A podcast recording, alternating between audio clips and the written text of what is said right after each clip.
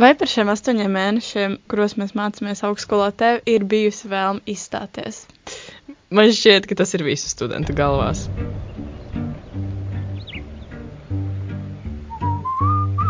Šis ir stāsts par studentiem, kuri pamet augstskolu. Kad atbraucu uz Zviedriju, mērķis bija atbraukt uz gadu, pastrādāt un atgriezties mācīties. Atbraucot uz Zviedriju, bija mērķis meklēt universitāti šeit, pats Stokholmā. Tālāk, kur mani ceļi vedīs, tas vēl joprojām atvērts jautājums. Viktors vēlējās palikt anonīms. Pēc 12. klases beigšanas Viktors iestājās RTU enerģētikas un elektrotehnikas programmā. Neieinteresētības dēļ un attālināto mācību procesa dēļ mācības aizgāja otrajā plānā, kas pavēra iespēju sākt strādāt un pašam pelnīt naudu. Gada beigās viņš izstājās un augusta vidū aizbrauca uz Zviedriju strādāt. Pēc centrālās statistikas pārvaldes datiem no studējošo kopskaita mazliet vairāk nekā puse ir sievietes, Turklāt vīrieši biežāk nepabeidz uzsāktās studijas. Pēc 12. klases beigšanas iestājos ar tevi. Likās neinteresanti, kas mazliet atcita visu mācīšanās prieku. Es paralēli piepelnījos, lai varētu brīvāk dzīvot Rīgā, lai nebūtu atkarīgs no savas ģimenes. Sāku strādāt vairāk arī tieši skolas laikā. Pēc pirmā pusgada sāku nojaust, ka laikam nevēlos turpināt mācīties, Gada beigās izstājos.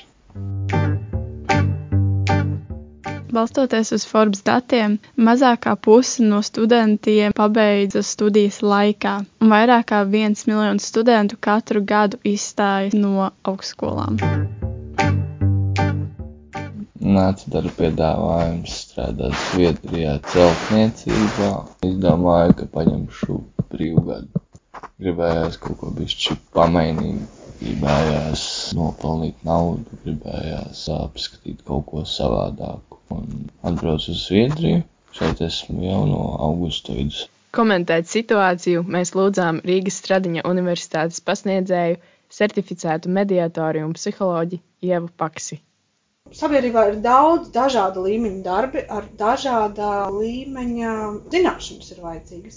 Un otrkārt, katrs cilvēks esam atšķirīgi. Cilvēki, kuri ir spiesti sākt strādāt, tīri materiālā ziņā, jo viņiem ģimene nav pietiekoši materiāli nodrošināta, un viņiem tas ir izdzīvošanas jautājums. Ir cilvēki, kuri sāk strādāt, tāpēc, ka visi tā dara. Ir cilvēki, kuri sāk strādāt dažkārt tāpēc, ka jūtās vainīgi pret tiem cilvēkiem, kas viņus uztur. Ir cilvēki, kuri var daudz mācīties un strādāt ar lielu informācijas apjomu, un ir cilvēki, kuriem nav šīs spējas. Un viņam pabeigt vidusskolu jau bija ļoti labi, ka viņš to izdarīja. Un, un ir tas otrs absurds, vai, vai lielveikala kasē strādājošam cilvēkam būtu jābūt ar maģistra grādu, vai tā būtu adekvāts prasības. Balstoties uz Forbes datiem, vairāk nekā divas trešdaļas studentu, kas pamet mācības augstskolās, atrodas uz zemu ienākumu sliekšņa. Aizbraucot, Viktors pameta arī dažādus hobijus, piemēram, dejošana, spēlēšana orķestrī, kā arī automašīnas. Pametu es eh, ļoti daudz lietas. Es pametu tautiskās dejas, esmu pametis arī orķestri, kurā es spēlēju. Visvairāk pietrūkst tautisko deju, un tāds viens no hobijiem saistīts ar automašīnām. Protams, šeit Zviedrijā man arī dažādi darba pienākumi, es atbildīju darba automašīnām. Protams, tas hobijs bija braukt ar viņām, izklaidēties un tajā pašā laikā viņas arī būvēt. Tajā mirklī viens projekts jau padomā, viņš gaida mani, kad es atgriezīšos. Ieva Paksa iesaka katram atrast hobiju, lai varētu pilnībā atslēgties no darba. Ir būtiska atšķirība, vai tas ir vaņka tur blakus sētā kaut kur skrūvē visas mašīnas pēc kārtas. Ja nesanāk, tad uzsit un tad jau aizies. Vai arī tas darboties ar mašīnām augstās tehnoloģijās Tesla. Tas nav ne tas pats līmenis, ne tās pašas zināšanas, kas tam vaņkam, ne tie paši ienākumi un arī ne tie paši ikdienas paratumi. Bet tāpat ir jāatrod vēl kaut kāds cits hobijs, Jo pretējā gadījumā mēs esam 24, 7, 365, 6 darbā. Bet mums ir nepieciešams kaut ko pārslēgties. Tomēr pie mašīnas stūres Viktors šobrīd nevar sēsties, un šī nav pirmā reize, kad viņš nonāca šādā situācijā. Viņš jau divas reizes laika ir pazaudējis tiesības tieši Zviedrijā. Otrajā reizē tas beidzās īpaši nepatīkami ar sasistu darba mašīnu, kuru pašam jālabo.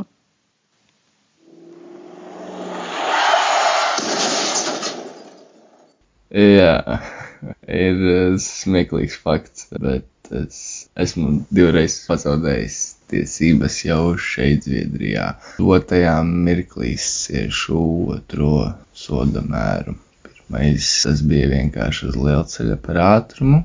Pirmā reize uzlika sodu uz mēnesi tiesības atņemtas, otrajā reizē braucu ziemā un arī braucu ātrāk nekā bija atļauts un saslīdēju un notriecu stabu arī dotajā mirklī ir uzlikts sots uz diviem mēnešiem tiesību atņemšana.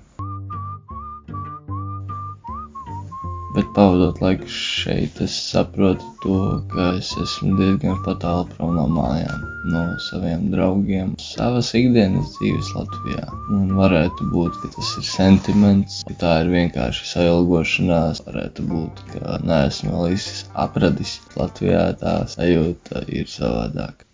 Ieva Pakse komentē. Bet tas jau arī ļoti individuāli. Ir cilvēki, kuri ļoti jūtās saistīti ar konkrētu vietu, un tā ir tāda latviešu nacionalitātes īpatnība. Mums ir svarīgi, ka mums ir tā konkrētā vieta, tas konkrētais īpašums, kuram es jūtos piederīgs. Bet tāpat laikā ir gana daudz cilvēki, kuriem ir tā brīva sajūta ir daudz lielāka, un viņiem nav tik ļoti izteikta tā piederības sajūta šai konkrētai vietai. Un viņi daudz brīvāk var dzīvot dažādās vietās. Un katram ir jāsaprot, kādas ir pašam attiecības ar šo izcelsmes valsti. Un tas, ka mēs dzīvojam citā valstī, nepadara mūs par mazāk latviešiem vai par nepatriotiem. Un migrācija ir normāla ekonomiskā un sociāla parādība. Tomēr Zviedrijā esot jau 8,5 mēnešus, Viktors ir sapratis, ka viņš tomēr vēlas atgriezties Latvijā jo šeit ir gan viņa hobiji, draugi un ģimene.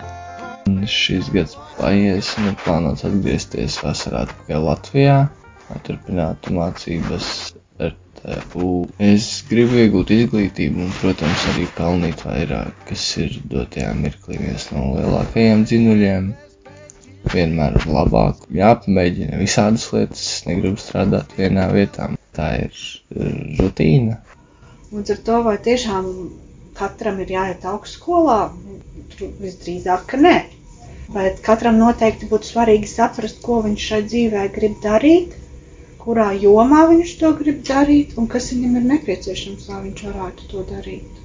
Balstoties uz mūsu sniegto informāciju par stāstu galveno varoni Viktoru, Ieva Paksa atzīst, ka viņam tomēr vēl nevajadzētu atgriezties augstskolā.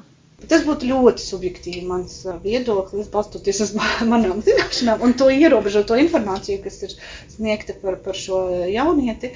Es laikam viņam ieteiktu vēl vienu gadu neiet uz augstskolu. Ja es personīgi kaut ko saprastu no dzīves un zinātu, ko darīt, es noteikti nemācītos šobrīd augstskolā. Jo, principā, augstskola ir priekš stulbiem cilvēkiem.